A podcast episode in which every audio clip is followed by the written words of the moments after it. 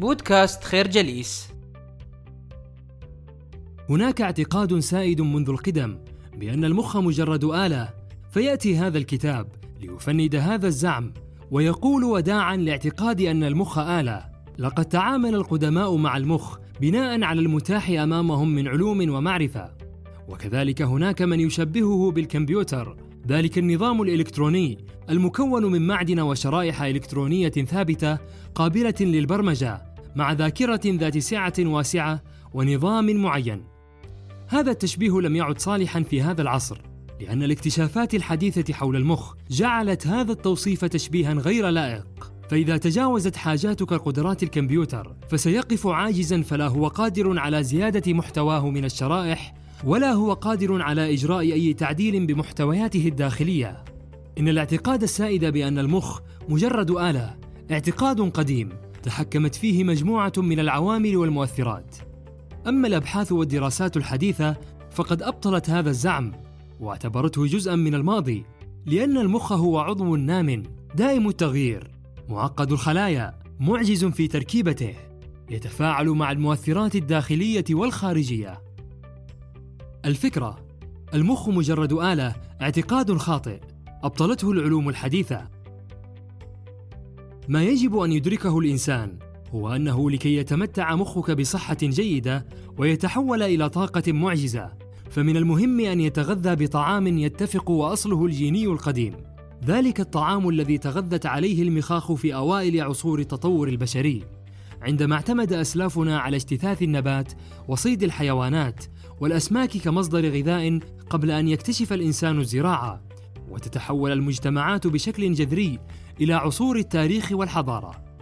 لقد أنشأ المخ خلال هذه المسيرة نظم اتصالات معتمدا على ما تحتويه الفاكهة والمكسرات والخضروات ونباتات برية أخرى من أنزيمات. كما هيأ لنفسه أيضا نظما لحماية خلاياه معتمدا على مضادات الأكسدة الطبيعية لأجل مساعدته في البقاء على قيد الحياة مستخدما نظم أيض أكسجينية.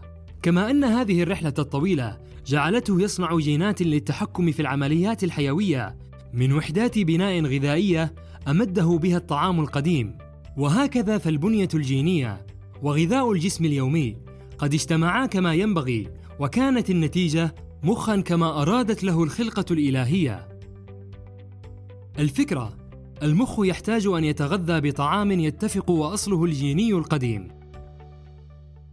سواء كنت صغيرا أو كبيرا فالمكملات الغذائية ضرورية للحفاظ على سلامة الدماغ. ولتحصيل هذا المبتغى وجب تناول الفيتامينات لأنها تدعم وظائف المخ وتنشط الأداء باختبار معدلات الذكاء. كما تنعش المزاج والذاكرة وتقلص فرصة تعرضك لتدهور مخي في الشيخوخة، وقد أكد مجموعة من العلماء المختصين بأن مخك وصحتك العامة قد تحددت قبل أن تولد بما تناولته أمك في فترة الحمل من فيتامينات ومضادات تأكسد قبل الحمل وأثناءه. كما تؤكد من خلال مجموعة من الدراسات البحثية بأن منح الأطفال مكملات غذائية من فيتامينات وغيرها. قد أدى إلى ارتفاع ملحوظ في نسبة ذكائهم. إن ما يتضح من خلال هذه الدراسات والأبحاث العلمية هو أهمية العناية بصحة المخ وأول وسيلة لتحقيق هذا الهدف المحوري في حياة الإنسان هو تناول الفيتامينات التي تدعم الوظائف العقلية للإنسان كما أن نفور الإنسان من تناول هذه المكملات راجع بالأساس إلى معتقد يرى بأن المخ لن يعاني أي تراجع وظيفي إلا إذا تعرض الجسد إلى سوء تغذية تقليدية تنتج فقط عن نقص حاد ومزمن بالعناصر الغذائية. الفكرة المكملات الغذائية مهمة للسلامة الصحية للمخ.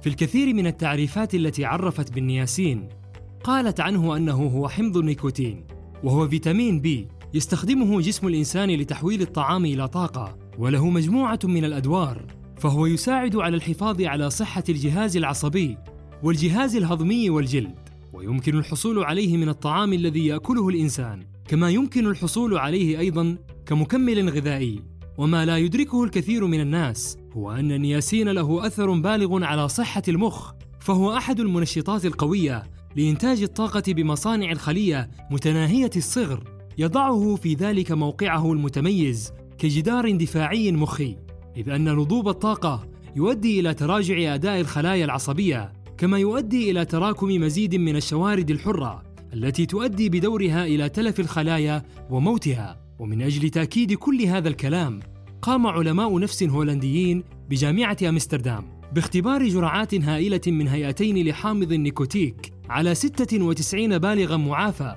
تناول بعضهم الفيتامين وتناول آخرون حبوبا خاملة لمدة ثمانية أسابيع. النتيجة هو أن النياسين دعم أداء الذاكرة بنسبة 10 إلى 40% عن الحبوب الخاملة.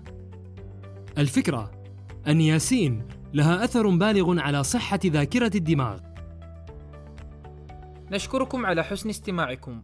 تابعونا على مواقع التواصل الاجتماعي لخير جليس. كما يسرنا الاستماع لآرائكم واقتراحاتكم.